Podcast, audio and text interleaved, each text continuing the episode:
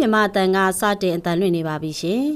မင်္ဂလာညချမ်းပါရှင်ဒီကနေ့မြန်မာတက်ဂရစ်1385ခုပထမဝါဆိုလဆန်း10ရက်ခရစ်တဂရစ်2023ခုဇွန်လ29ရက်နေ့အင်္ဂါနေ့ညပိုင်းဒီမိုကရက်တစ်မြန်မာအတန် DVB ရဲ့စစ်တော်ကဘာမျိုးရေဒီယိုအစီအစဉ်စတင်နေပါပြီ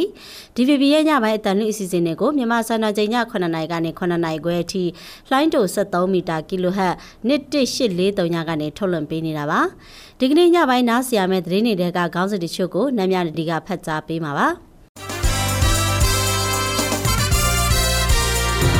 ဟုတ်ကဲ့ပါဒီကနေ့ညမှာတော့မိုခါမုန်တိုင်းတင်မြန်မာပြည်သူတွေအတွက်အင်ဒိုနီးရှားကပေးအပ်တဲ့ဒေါ်လာ9သိန်းကျော်ဖို့အကူအညီပစ္စည်းတွေရန်ကုန်လေဆိပ်ကိုရောက်လာတဲ့တဲ့မုန်တိုင်းကြောင့်တစ်စည်းလုံးပျက်စီးသွားခဲ့တဲ့စစ်တွေမျိုးကမင်းယူဈေးကိုအများဆုံးပြန်လည်ပြုပြင်ပေးဖို့ဒေသခံတွေကတောင်းဆိုတဲ့တဲ့ပါကစ္စတန်နဲ့ဖိလစ်ပိုင်မှာတဘာဝဘေးနဲ့ကြုံတွေ့နေရတဲ့သတင်းတွေကိုနားဆင်ရဖို့ရှိပါတယ်ရှင်ဒီသတင်းတွေပြီးမှာတော့ အအဓိကတော့မှုန်တိုင်းပြီးတဲ့အခါမှာပေါ့နော်အဲကလေးတွေဆိုရင်အဲကျွန်တော်တို့ကအဲဝမ်းပြောင်ဝမ်းလျှော့ဖြစ်တယ်သွေးလွန်တုပ်သွေးဖြစ်တယ်ပြီးတော့အရေပြားယောဂါတွေဖြစ်တယ်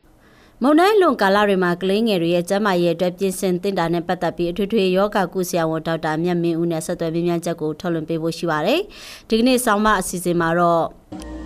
မိုးကြိုးမုံတိုင်းတွေအကြောင်းပြောတဲ့အခါ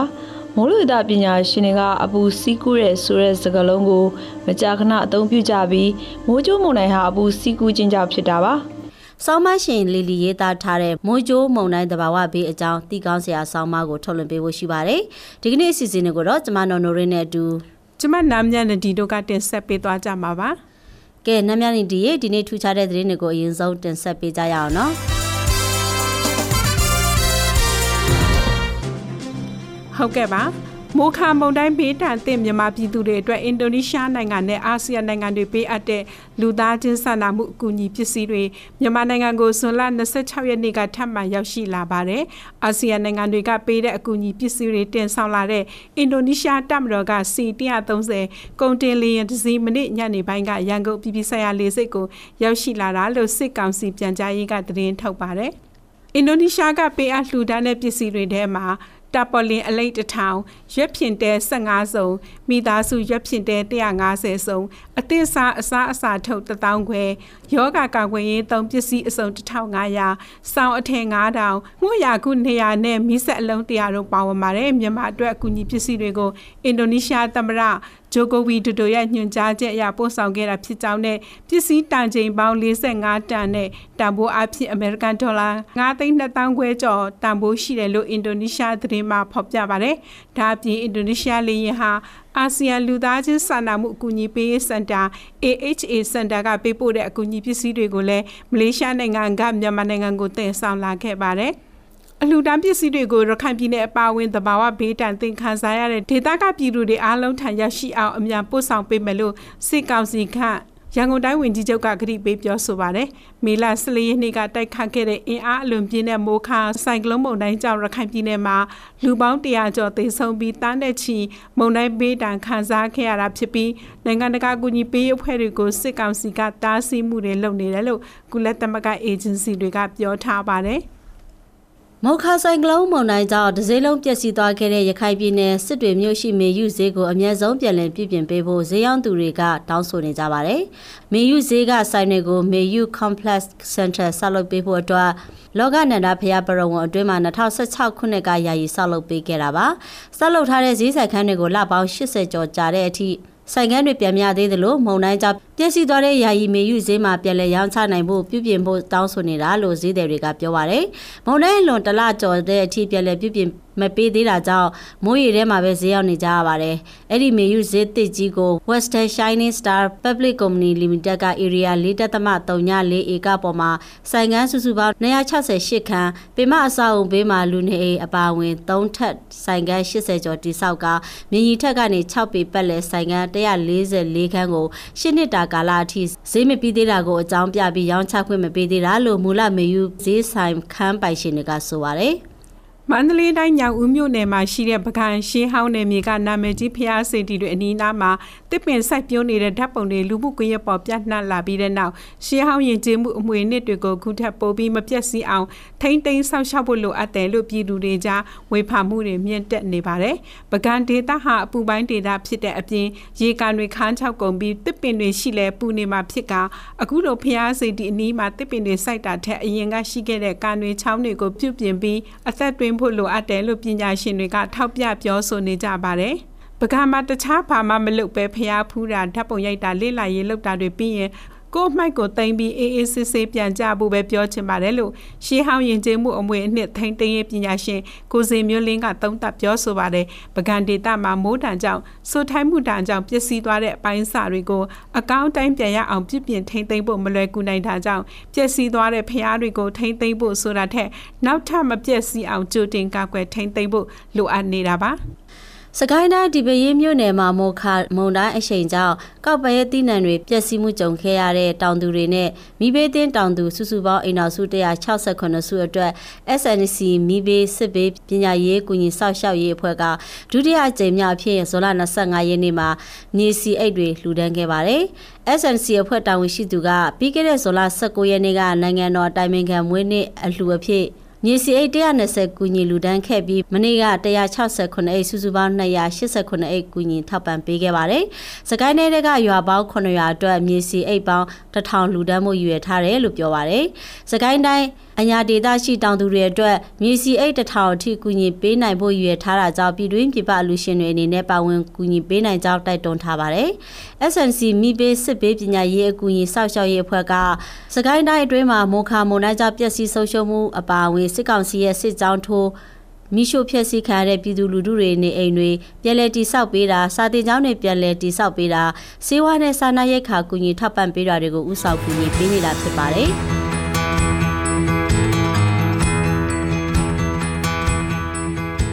DVB ရဲ့ရေဒီယိုအစီအစဉ်ကိုနားဆင်နေရတာပါအခုဆက်လက်ပြီးမွလဝတသတင်းတွေကိုတင်ဆက်ပေးမှာဖြစ်ပါတယ်မင်္ဂလာပါရှင်ဇွန်လ29ရက်နေ့အတွက်မိုးလေဝသခန့်မှန်းချက်တွေကိုတင်ဆက်ပေးသွားမှာဖြစ်ပါတယ်ဒီကနေ့မနက်ပိုင်းဖန်ရရှိထားတဲ့ဂျိုရိုတိမ်မုံကြည့်မယ်ဆိုရင်တော့ကပလီပင်လယ်ပြင်နဲ့ဘင်္ဂလားပင်လယ်အော်ရောမှာမုတ်တုံးလေးအားတန်တန်ရှိနေပါတယ်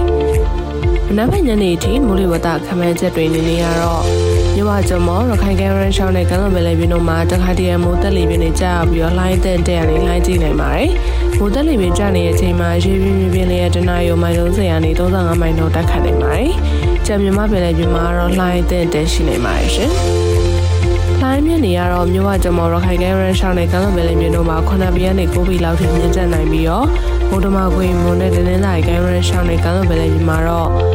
9ဘီကနေ9ဘီလောက်ထိမြင့်တက်နိုင်တယ်လို့ခန့်မှန်းထားပါတယ်ရှင်။။မိုးရွာသွန်းနိုင်မှုခံမဲ့ချက်တွေနေနေရတော့စကိုင်းတိုင်းအောက်ပိုင်းနဲ့မကွေးတိုင်းတို့မှာနေရာကြီးစေးစကိုင်းတိုင်းထပ်ပိုင်းမန္တလေးတိုင်းကချင်ပြည်နယ်ရှမ်းပြည်နယ်နဲ့ကယားပြည်နယ်တို့မှာနေရာဆစ်စိတ်ကြံမြင့်တဲ့တန်တွေမှာတော့နေရာနှံ့ပြမိုးထချုံရနိုင်ပါတယ်။ကချင်ပြည်နယ်ရခိုင်ပြည်နယ်ကရင်ပြည်နယ်မွန်ပြည်နယ်တို့မှာနေရာကွက်ပြီးမိုးကြီးနိုင်တယ်လို့ခန့်မှန်းထားပါတယ်ရှင်။ နေပူချိန်ခံမှန်းချက်တွေကတော့အမြင့်ဆုံးပူချိန်အနေနဲ့မကွေးတိုင်းမှာ38ဒီဂရီစင်တီဂရိတ်ဝန်းကျင်လောက်ထိမြင့်တက်နိုင်ပါတယ်ရှင်။ဆက်လက်ပြီးတော့နေပြီးတော့ရန်ကုန်မြို့နယ်မန္တလေးမြို့နယ်အနီးတို့မနက်ဖြန်ညနေအထိခန့်မှန်းချက်တွေကတော့နေရကွက်ကြမိုးထဆောင်လာနိုင်တယ်လို့ခန့်မှန်းထားပါတယ်ရှင်။ကျေးဇူးများတင်ပါတယ်ရှင်။မလဝတာသတင်းတွေကိုနားဆင်ကြရတာပါ။သောရရှိများရှင်ကုဆက်လက်ပြီးသတင်းပေးပို့ချက်တွေကိုထုတ်လွှင့်ပေးတော့မှာမို့နမ်းမြနဒီပြပြပေးပါဦး။ဟုတ်ကဲ့ပါရှင်။ မိုခါမုန်တိုင်းကြောင့်ပြိုပျက်သွားတဲ့စစ်တွေမျိုးကယာယီမေယုဈေးကိုမေယု complex center တာဝန်ရှိသူတွေကပြန်လည်ပြုပြင်မပေးသေးတဲ့အတွက်ဈေးဆိုင်ပိုင်ရှင်တွေအနေနဲ့အခက်အခဲဖြစ်နေရပါတယ်ဒီသတင်းကိုခိုင်ပန်းနှုတ်ပေးပို့ထားပါတယ်ရှင်။ မုခမုန်တိုင်းကြောင့်ပြိုပျက်သွားခဲ့ရတဲ့ရခိုင်ပြည်နယ်စစ်တွေမြို့ရဲနွယ်စုရက်ွက် လောကနန္ဒာစေတော်ခြံဝင်းအတွင်းယာယီဖွင့်လှစ်ပေးထားတဲ့မေယုဈေးကိုမေယုကွန်ပလက်စင်တာရဲ့တာဝန်ရှိသူတွေပြန်လည်ပြုပြင်ပေးဖို့အတွက်ဈေးဆိုင်ရှင်တွေကတောင်းဆိုထားကြတာပါအခုမုံတိုင်းပြီးတလားကျော်ကြာမြင့်တဲ့အချိန်ထိကိုဈေးဆိုင်တွေပြန်လည်ပြုပြင်ပေးတာမရှိတဲ့အတွက်မိုးရွာရင်မိုးရေထဲမှာပဲဒီအတိုင်းဈေးအောင်ချနေရတယ်လို့ဈေးဆိုင်ရှင်တွေကပြောပါတယ်။ဒီရောက်ကနေပြီးအကျဉ်းက မေယုယာယီဈေးကဆိုင်တွေကိုမေယု complex center ဆောက်လုပ်ဖို့အတွက်လောကနန္ဒဖျားပရဝွန်အတွင်းမှာ2016ခုနှစ်ကယာယီဆောက်လုပ်ပြီးထားခဲ့တာပါကျမတို့မေယု complex center ဆောက်လုပ်ဖို့လ30နဲ့အပီစာချုပ်ချုပ်ထားတာအခုအဲ့ဒီမေယု complex center ကိုဆောက်လုပ်တာလပေါင်း80ကျော်သွားပြီကျမတို့ကိုဆိုင်ခန်းတွေကိုမအပ်နိုင်သေးပါဘူး။တို့ကိုအခုယာယီမေယုဈေးမှာမုံတိုင်းအပီးမှာအာနာပိုင်တွေကပြန်လဲရောင်းချခွင့်မပြုတော့ဘူး။။ရခင်ကကျမတို့ရဲ့မူလနေရာဈေးဆိုင်နေရာကိုတောင်းဆိုကြတယ်။ သူတို့ကဈေးဆိုင်တွေမပြီးသေးဘူးလို့အကြောင်းပြတယ်။ဒါဆိုရင်မုံတိုင်းကြောင့်ပျက်စီးသွားတဲ့ယာယီမေယူဈေးကိုပြုပြင်ပေးဖို့တောင်းဆိုကြတယ်။တာဝန်ရှိသူတွေကလည်းမုံတိုင်းကြောင့်မအားလက်တဲ့အတွက်ဆောင်းရမပေးနိုင်ခဲ့ကြဘူး။အခုဆိုမုံတိုင်းပြီးတာတလကျော်အထိဘာမှပြုပြင်ပေးတာမရှိသေးတော့ ကျမတို့အခုလိုမိုးရီချဲမှာဈေးရောင်းနေရပါတယ်။အဲ့ဒီမေယူဈေးသစ်ကြီးကို Western Shining Star Public Company Limited ကမြေဧရိယာ4.34ဧကပေါ်မှာဆိုင်ငန်းစုစုပေါင်း268ခန်းပေမအစာအုပ်ဘေးလူနေအိမ်အပါအဝင်၃တက်ဆိုင်ငန်း80ကျော်တိစောက်ပြီးတော့သုံးထက်တစ်ဆောင်ကိုသိန်း2000ကနေ3000အထိရောင်းချခဲ့တာဖြစ်ပါတယ်။ကုမ္ပဏီမှာအမျက်စွန်းများစွာရရှိသွားပေမဲ့လည်းမြေညီတဲ့6ပေပလဲဆိုင်ကန်း144ခန်းကိုနှစ်နှစ်တာကာလအထိဈေးမပြီးတာကိုအကြောင်းပြပြီးတော့ရောင်းချခွင့်မပေးသေးဘူးလို့မူလမေယူဈေးသည်တွေကဆိုပါတယ်။ဒီစနာပတ်တယ်လို့ကျွန်တော်တို့အခုကဟိုဒါအနိုင်လာတယ်လေနိုင်လာတယ်ဆိုတာကသူတို့မှဟိုဟာလုံငယ်တွေသူတို့လုပ်ငန်းတွေတော့ဦးစားပေးပြီးတော့လုပ်တယ်လို့ပဲကျွန်တော်တို့မြင်တယ်။ကျွန်တော်တို့လက်ရှိမူရင်းဆိုင်ပိုင်ရှင်တွေအတွက်သူတို့စဉ်းစားပုံတော့မကြားဘူး။ ဒါနဲ့ ကုမ္ပဏီအနေအားဖြင့်လည်း ကျွန်တော်တို့အပေါ်မှာ သူတို့လုပ်တာ ဘာဆိုမလဲ ပြောရမယ်ဆိုရင်တော့ သဘာဝမကျဘူးလို့ ကျနော်သုံးသပ်တယ် အစင်းမြင့်မေယူဈေးသစ်မှာအဝတ်ထဲလူသုံးကုန်နဲ့လျှက်စစ်ပစ္စည်းတွေကိုအဓိကထားရောင်းချသွားမှာဖြစ်ပြီးတော့ကလေးကစားကွင်းခန်းမှာစားတောက်ဆိုင်တွေရုပ်ရှင်ုံနဲ့လူမှုအပန်းဖြေစရာနေရာတွေပါဝင်ပါတယ်။ဈေးသစ်တိဆောက်ရေးစီမံကိန်းကိုနှစ်နှစ်တွင်ပြီးတိဆောက်သွားမှာဖြစ်ပြီးတော့အစာအုပ်ထင်းသိမ်းအတွက်ကုမ္ပဏီကနှစ်30တာဝန်ယူမယ်ဆိုပြီးတော့ဈေးတာဝန်ရှိသူတွေကပြောဆိုထားကြတာပါ မုံတိုင်းကြောင့်တစည်းလုံးပျက်စီးသွားခဲ့တဲ့စစ်တွေမျိုးကမေယူဈေးကိုအများဆုံးပြန်လည်ပြုပြင်ပေးဖို့ဒေသခံတွေကတောင်းဆိုတဲ့သတင်းကိုနားဆင်ခဲ့ကြရတာပါ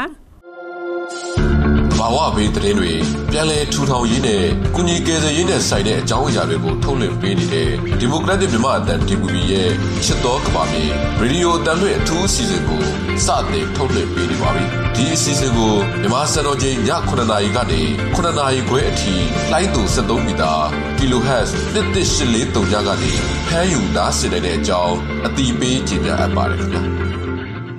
ဒီမိုကရက်တစ်မြန်မာအသံ DVB ကဆက်လက်အသံလွှင့်ပေးနေပါတယ်အခုဆက်လက်ပြီးတဘာဝပတ်ဝန်းကျင်နဲ့သက်ဆိုင်တဲ့နိုင်ငံတကာသတင်းတွေကိုလေးအိမ်ကတင်ဆက်ပေးမှာဖြစ်ပါတယ်ရှင်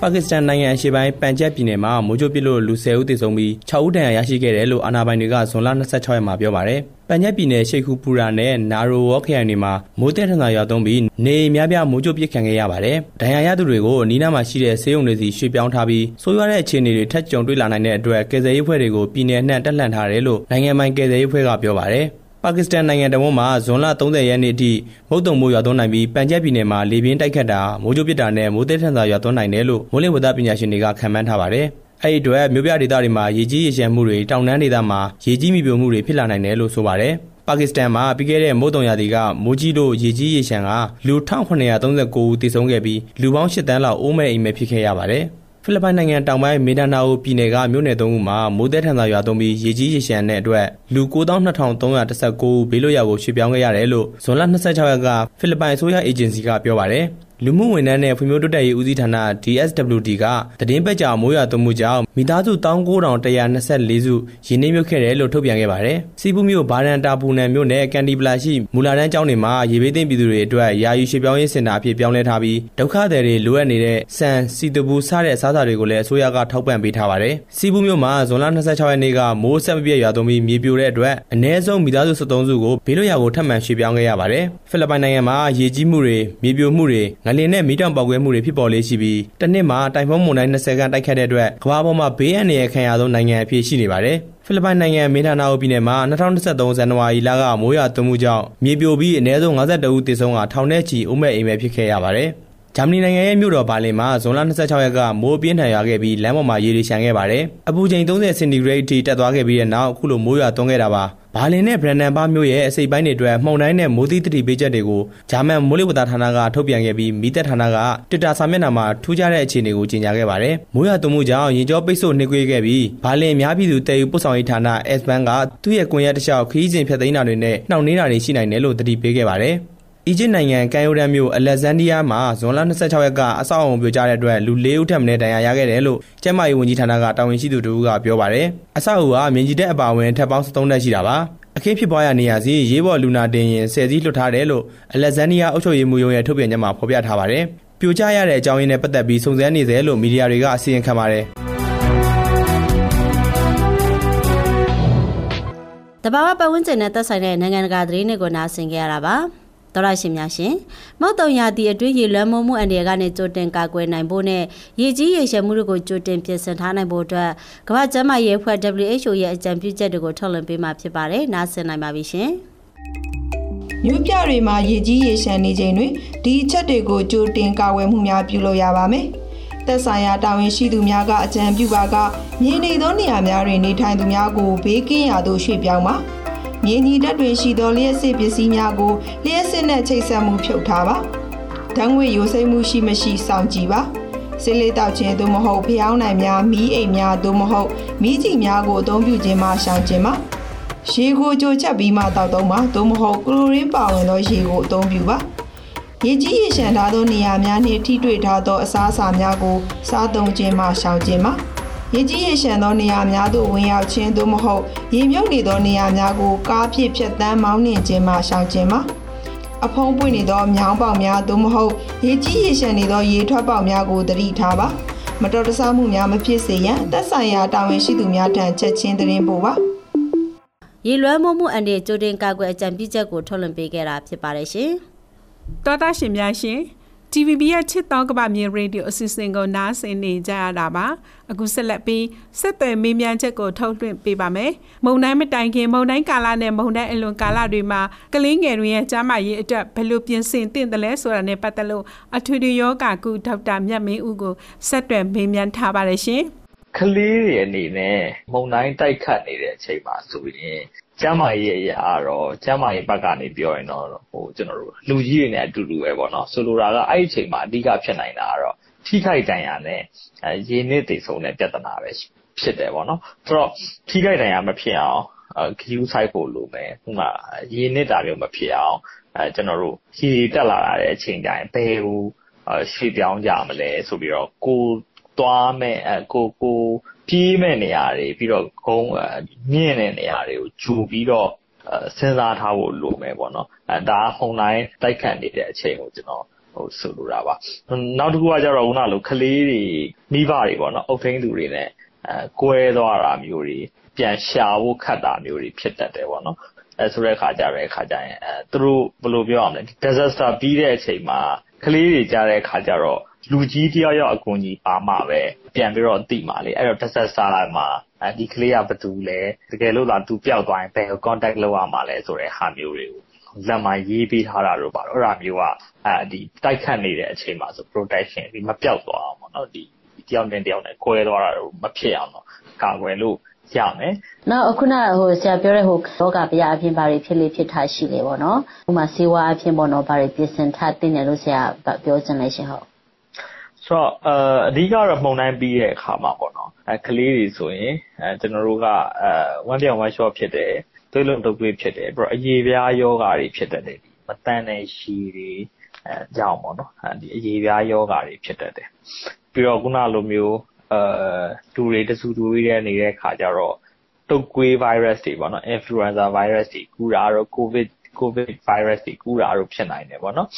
ဆိုတော့ covid ကတော့ကလေးတွေမှာအရင်အသက်အန္တရာယ်ချိန်ချောင်းနိုင်တော့အောင်ဆိုးရွားလိမ့်မရှိဘူးပေါ့နော်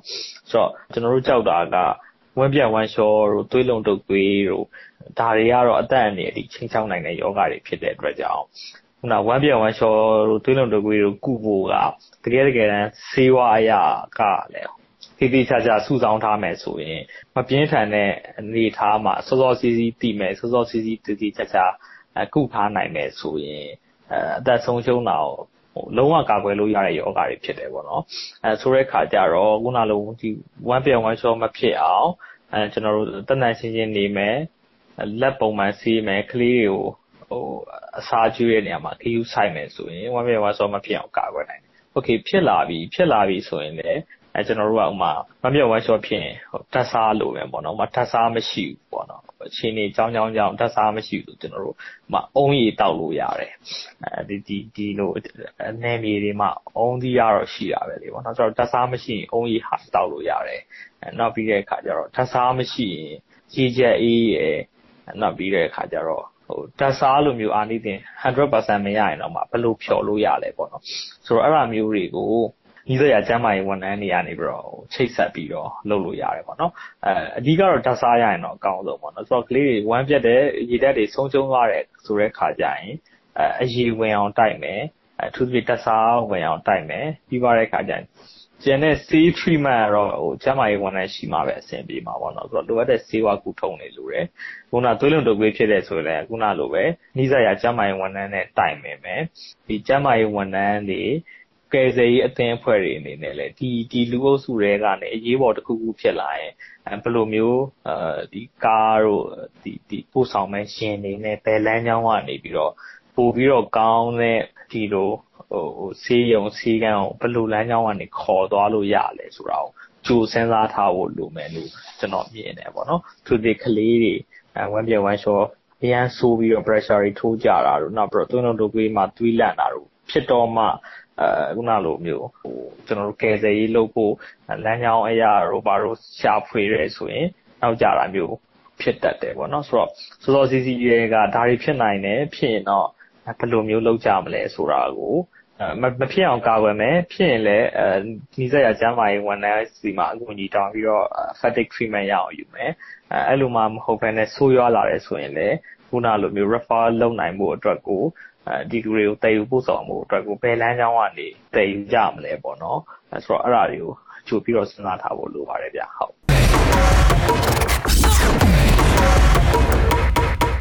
Inform MM application နဲ့ဆိုရင်ယုံကြည်ရတဲ့မြန်မာမီဒီယာတွေရဲ့သတင်းတွေကိုတနေရာထဲမှာသစုသစည်းတဲ့ရယူနိုင်ပါတယ်။ဒီ application ကအခမဲ့ဖြစ်လို့အခုပဲ Google Play Store ကနေ download ဆွဲပြီး TVB ရဲ့သတင်းတွေ podcast တွေနဲ့တခြားစိတ်ဝင်စားစရာအကြောင်းအရာတွေကိုဝင်ရောက်ကြည့်ရှုလိုက်ပါနော်။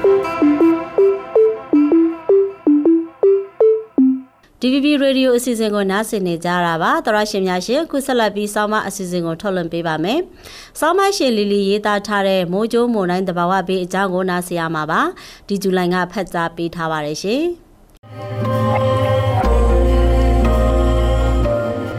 မိုးကြိုးမုန်တိုင်းဆိုတာဘာလဲမိုးကြိုးမုန်တိုင်းဆိုတာမိုးချင်းတန်ကြားရတဲ့ချိန်မှာမိုးရွာတာဖြစ်ပါတယ် မိုးချင်းတဲ့ဟာလျက်စီးလက်ချင်းကနေဆင်းသက်လာတာကြောင့်မိုးကြိုးမုန်တိုင်းအလုံးမှာလျက်စီးကြောင်းတွေရှိပါတယ်။မိုးကြိုးမုန်တိုင်းတွေအကြောင်းပြောတဲ့အခါမိုးလေဝသပညာရှင်တွေကအပူစီးကူးတဲ့ဆိုတဲ့စကားလုံးကိုမကြာခဏအသုံးပြုကြပြီးမိုးကြိုးမုန်တိုင်းဟာအပူစီးကူးခြင်းကြောင့်ဖြစ်တာပါ။ပြင်းထန်တဲ့မိုးကြိုးမုန်တိုင်းဆိုတာကတလက်မဒါမှမဟုတ်အဲ့အထက်ကြီးရဲ့မိုးသီးတွေကျွေးကြတာလေတိုင်နှုန်း50 knot တနာရီ59.5မိုင်နှုန်းနဲ့လေစင်နှမောင်းစတဲ့အချက်တွေက တစ်ခုဒါမှမဟုတ်တစ်ခုထက်ပိုဖြစ်မယ်ဆိုရင်ပြင်းထန်တဲ့မိုးကြိုးမုန်တိုင်းလို့ဆိုနိုင်ပါတယ်။မိုးကြိုးမုန်တိုင်းတွေဟာကမ္ဘာတစ်ဝန်းမှာနှစ်စဉ်မိုးကြိုးမုန်တိုင်းပေါင်း16တန်းလောက်ရှိပြီးဘယ်ချိန်မဆိုမိုးကြိုးမုန်တိုင်းတွေဟာခမန်းကျိ2000ခန့်ရှိနေပါတယ်။အမေရိကန်တနိုင်ငံထဲမှာပဲနှစ်စဉ်မိုးကြိုးမုန်တိုင်းအကျဉ်းရေတသိန်းခန့်ရှိပါတယ်။အဲ့ဒီထဲက10ရာခိုင်နှုန်းလောက်ကပြင်းထန်တဲ့မိုးကြိုးမုန်တိုင်းအဆင့်ကိုရောက်ပါတယ်။မိုးကြိုးမုန်တိုင်းတွေဟာຫນွေဦးနဲ့ຫນွေရာသီကာလတွေမှာအဖြစ်အများဆုံးဖြစ်ပြီး မိုးလဲပိုင်းနဲ့ညနေပိုင်းတွေမှာပိုဖြစ်နိုင်ပေမဲ့မိုးကြိုးမုန်တိုင်းတွေကတစ်နှစ်ပတ်လုံးနဲ့နာရီတိုင်းမှာဖြစ်ပေါ်နိုင်ပါတယ်။ပင်လယ်ကွေ့ကံရိုးတဲ့တခြားနဲ့အရှေ့တောင်ပိုင်းနဲ့အနောက်နိုင်ငံတို့ကိုဖြတ်ပြီးမိုးလဲပိုင်းမှာမိုးကြိုးမုန်တိုင်းအများစုဖြစ်ပေါ်ပါတယ်။ရင်းမြစ်နယ်ပယ်တွေမှာတော့မိုးလဲပိုင်းနဲ့ညအချိန်တွေမှာမိုးကြိုးမုန်တိုင်းတွေမကြာခဏဖြစ်ပေါ်တတ်ပါတယ်။အန်ရီရှိတဲ့ရာသီဥတုဖြစ်စဉ်များစွာဟာမိုးကြိုးမုန်တိုင်းတွေနဲ့ဆက်နွယ်နေပါတယ်။ မိုးကြိုးမုန်တိုင်းတွေကြောင့်မိုးရွာသွန်းမှုဟာလျှက်တစ်ပြက်ရေရှမ်းမှုဟာရီကိန်းလေးစင်နှမောင်းဒါမှမဟုတ်လျှက်စီးလက်တာထက်နှစ်စဉ်လူသေးဆုံးမှုပိုများပါတယ်။မိုးကြိုးဟာနှစ်စဉ်ကဘာတဝမ်းကမီးလောင်မှုအများအပြားအတွက်တာဝန်ရှိပြီးလူသေးဆုံးမှုတွေကိုဖြစ်စေပါတယ်။အပြော့စားအရွယ်အစားအထိမိုးသီးတွေကလည်းကားတွေနဲ့ပင်းပေါက်တွေကိုပျက်စီးစေပြီးတလိမ့်ဆန်တွေကိုလည်းသေဆုံးစေပါတယ်။မိုးကြိုးမုန်တိုင်းတွေနဲ့ဆက်ဆက်နေတဲ့တနအီမိုင်120ကျော်လေပြင်းတွေဟာ တစ်ပင်တွေဓာတ်အားလိုင်းတွေနဲ့မိုဘိုင်းအိမ်တွေကိုပြိုကျပျက်စီးစေပါတယ်။လေတိုင်နှုံးတနာရီမိုင်300ခန့်ရှိတဲ့လေစင်နှမောင်းတွေကလည်းအကောင်းဆုံးလူလို့အစာဦးတွေကလွဲရင်အားလုံးကိုဖျက်ဆီးနိုင်ပါတယ်။မိုးကြိုးမုန်တိုင်းဖြစ်ပေါ်ဖို့အဆိုတက်မတည်ငြိမ်တဲ့လေတွေအပေါ်ကိုမြင့်တက်ခြင်းနဲ့မြင့်တက်အောင်ထောက်ပံ့ပေးနေတဲ့ရန်နီယာဆိုတဲ့အခြေခံအချက်၃ချက်လိုအပ်ပါတယ်။နေကကမ္ဘာမျက်နှာပြင်ကိုပူနွေးစေပြီးပူနွေးနေတဲ့လေတွေဟာလည်းအပေါ်ကိုတက်လာပါတယ်။ လေဟာမြင့်တက်လာတာနဲ့အမျှကမ္ဘာမြေမျက်နှာပြင်ကအပူကိုလေထုနဲ့အပေါ်ဘက်အဆင့်ကိုအပူစီးကူးခြင်းဖြစ်စေနဲ့လွှဲပြောင်းပေးပါတယ်။ဒီလေပူထဲမှာပါရှိတဲ့ရေကိုရင်ငွေဟာအေးစားပြူလာပြီးအပူကိုထုတ်လွတ်ကတိမ်တိုက်တစ်ခုဖြစ်ဖြစ်ပေါ်လာပါတယ်။မုန်တိုင်းတစ်ခုဟာအေးခဲနေတဲ့လေတွေကိုတက်လာတာနဲ့အမျှအေးခဲနေတဲ့အရေစက်တွေကနေမတူညီတဲ့ရေမုန်တွေကိုဖန်တီးနိုင်ပါတယ်။ ရေခဲမုံတွေကအခိုးငွေတွေနဲ့အေးခဲတဲ့အရေးဆက်ငယ်တွေကိုစူဆောင်းခြင်းဖြင့်ကြီးထွားလာပါတယ်။ရေခဲမုံတစ်ခုတိုင်းပြီးတဲ့အခါများသောအားဖြင့်တစ်ခုနဲ့တစ်ခုပေါက်ထွက်တတ်ပေမဲ့အမုံမွားတစ်ခုကတခြားတစ်ခုစီကနေရေခဲအနှဲငယ်ကိုဆွဲထုတ်ပြီးလျှက်စစ်တအားကိုဖန်ယူနိုင်ပါတယ်။ဒီလိုတိုက်မိမှုအများအပြားဟာကြားရတဲ့အတန်လိုင်းတွေနဲ့မိုးချင်းတန်တွေဖြစ်ပေါ်စေဖို့အတွက်လျှက်စစ်တအားရဲ့ကြီးမားတဲ့နေရာကိုဖြစ်ပေါ်စေပါတယ်။ မိုးကြိုးမုန်တိုင်းတွေရဲ့ဘဝဆဝံမှာဖွံ့ဖြိုးဆဲအဆင့်အလုံးစုံဖွံ့ဖြိုးတဲ့အဆင့်ပျောက်ကွယ်သွားတဲ့အဆင့်ဆိုပြီးအဆင့်၃ဆင့်ရှိပါတယ်။မိုးကြိုးမုန်တိုင်းရဲ့ဖွံ့ဖြိုးဆဲအဆင့်ကိုလေထုကော်လန် up drop ကအထက်ကိုတွန်းပို့နေတဲ့တိမ်တိုင်းနဲ့အမှတ်သားပြုထားပါတယ်။ဒီအဆင့်မှာမိုးနှဲငယ်ရွာပြီးရံဖန်ရံခါမိုးကြိုးဖြစ်ပါတယ်။ မိုးကြိုးမုန်တိုင်းဟာအဆင့်မြင့်တင်မှုဆက်လက်လှုပ်ဆောင်ပြီးအလုံးစုံဖွံ့ဖြိုးတဲ့အဆင့်ကိုဝင်ရောက်လာပြီးဆိုရင်မိုးရွာသွန်းမှုဟာမုန်တိုင်းမှစတင်ကလေကော်လန်တစ်ခုကိုဖန်တီးပါတယ်။ဒီလေကော်လန်ကမြေပြင်တစ်လျှောက်ပြန့်နှံ့သွားတဲ့အခါလေပြင်းတိုက်ခတ်မှုတွေဖြစ်လာပါတယ်။အလုံးစုံဖွံ့ဖြိုးတဲ့အဆင့်ဟာမိုးသီးကြွေခြင်းမိုးသည်ထံအောင်ရွာသွန်းခြင်းမကြာခဏမိုးကြိုးပစ်ခြင်းလေပြင်းတိုက်ခတ်ခြင်းနဲ့လေစနမောင်းတိုက်ခတ်ခြင်းတို့အတွက်ဖြစ်နိုင်ခြေအရှိဆုံးအချိန်ဖြစ်ပါတယ်။ နောက်ဆုံးပြောက်ကွယ်တဲ့အဆင့်မှာတော့မိုးရွာသွန်းမှုပမာဏအများပြားရွာချပြီးပြိုကျခြင်းအဆင့်ကအစပြုကအဆင့်မြင့်တင်မှုကိုကျော်လာနိုင်မှာဖြစ်ပါတယ်။မြေပြင်မှာလေပြင်းတိုက်တဲ့မိုးရွာသွန်းမှုမှာပြင်းထန်မှုရောနေသွားပေမဲ့မိုးကြိုးအန်ရကရှိနေပါသေးတယ်။မိုးကြိုးမုန်တိုင်းမျိုးစားတွေကတော့6မျိုးလောက်ရှိပါတယ်။ဒီအထဲကတစ်ခုဖြစ်တဲ့ဆဲတစ်ခုတည်းရှိတဲ့မိုးကြိုးမုန်တိုင်းတွေဟာတင်းငယ်ပြီးတနအီတွင်ကြီးထွားတည်ဆုံတဲ့မုန်တိုင်းတွေဖြစ်ပါတယ်။ ဆဲတစ်ခုရဲ့မုန်တိုင်းတွေဟာမိုးသည်ထံအောင်ရွာသွန်းခြင်းနဲ့မိုးကြိုးပစ်ခြင်းတွေဖြစ်နိုင်ပါတယ်။ဆဲပေါင်းများစွာပါဝင်တဲ့မိုးကြိုးမုန်တိုင်းကတော့ဆဲတစ်ခုချင်းစီဟာများသောအားဖြင့်မိနစ်30ကနေ60အထိကြာလေးရှိပြီးစနစ်တစ်ခုလုံးဟာနာရီများစွာကြာရှည်ခံနိုင်ပါတယ်။ဒီမုန်တိုင်းမျိုးစားဟာမိုးသီးကြွေတာလေပြင်းတိုက်တာတိုတောင်းတဲ့လေစင်နှမောင်းနဲ့ရေရှမ်းမှုတွေဖြစ်ပေါ်နိုင်ပါတယ်။ မိုးသက်လေပြင်းတွေကတော့လေမြန်စွာဖြတ်တန်းလေးရှိပြီးစူပါဆဲရီထက်လေစင်နှမောင်းဖြစ်ပေါ်ဖို့အလားအလာနေပါတယ်။ဒီမျိုးစားဟာမိုင်ယာနဲ့ချီရှည်လျားနိုင်ပေမဲ့အများအားဖြင့်အကျယ်အားဖြင့်10မိုင်ဒါမှမဟုတ်မိုင်20သာရှိပါတယ်။နောက်တစ်မျိုးဖြစ်တဲ့စူပါဆဲတွေကတော့တနအီတက်ပူကြကစောင်းမီလှဲ့နေတဲ့လေစီးကြောင်းတွေနဲ့ဖွဲ့စည်းထားတဲ့မုန်တိုင်းဖြစ်ပါတယ်။ အချင်းတဲမိုင်အထိကြီးမားပြီးအမြင့်ပေ9000အထိရှိတဲ့လေစီးကြောင်းပုံစံဟာလေဆင်နှမောင်းမဖြစ်ပေါ်မီမိနစ်20ကနေ60အတွင်းရှိနေနိုင်ပါတယ်။ကြီးမားပြီးပြင်းထန်တဲ့လေဆင်နှမောင်းအများစုဟာစူပါဆဲတွေကနေဖြစ်ပေါ်လာတာပါ။လေးပုံစံပဲ့တင်တန်ကတော့မိုးပြန်လိုက်တစ်ခုရဲ့ရေဒါအမှတ်သားတစ်ခုဖြစ်ပါတယ်။လေးပုံစံပဲ့တင်တန်ရဲ့ရှေ့ဆုံးစွန်းမှာတူတောင်းတဲ့လေဆင်နှမောင်းတွေဖြစ်ပေါ်နိုင်ပါတယ်။ လေတိုင်နှုန်းဟာမိုင်ပေါင်း240ကီလိုမီတာ400ခန့်ထက်ကျော်လွန်ပြီးလေပြင်းတိုက်ခတ်မှုအနည်းဆုံးတနာရီ85မိုင်နှုန်းတနာရီ63ကီလိုမီတာတိုက်ခတ်မယ်ဆိုရင်ဒီဖြစ်ရပ်ကိုလင်းမြန်စွာရွေ့လျားနေတဲ့မိုးရွာသွန်းမှုဖြစ်ခွဲခြားသတ်မှတ်နိုင်ပါတယ်။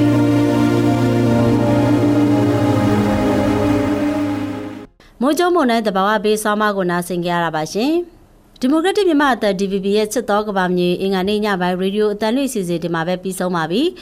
ဒီစီစဉ်ကိုဗနက်ဖြန်မှာလည်းမြန်မာစံတော်ချိန်ည9နာရီကနေ9နာရီခွဲအထိလှိုင်းတို73မီတာ kHz 11843ညကနေထုတ်လွှင့်ပေးနေအောင်မှာမို့စောင့်မျှော်နားဆင်နိုင်ပါတယ်။ DVB ရဲ့စစ်တော်ကဘာမြေရေဒီယိုအတန်လွှင့်စီစဉ်ကိုအင်တာနက်စာမျက်နှာ www.bamistvb.no website Facebook YouTube နဲ့ DVB News Pocket Channel Spotify Apple နဲ့ Google တို့မှာလည်း smartphone ကနေတဆင့်နားဆင်နိုင်တဲ့အကြောင်းသတင်းကောင်းပတ်အပ်ပါတယ်။ဒီကနေ့အစီအစဉ်တွေကိုတော့ကျမနော်နိုရင်းနဲ့အတူနမြနဲ့ဒီတို့ကတင်ဆက်ပေးခဲ့ကြတာပါ။သောရရှင်ပေါင်းကျမ်းမာချမ်းသာကြပါစေ။ DVB ကိုနားဆင်တဲ့အတွက်လည်းအထူးပဲကျေးဇူးတင်ပါတယ်ရှင်။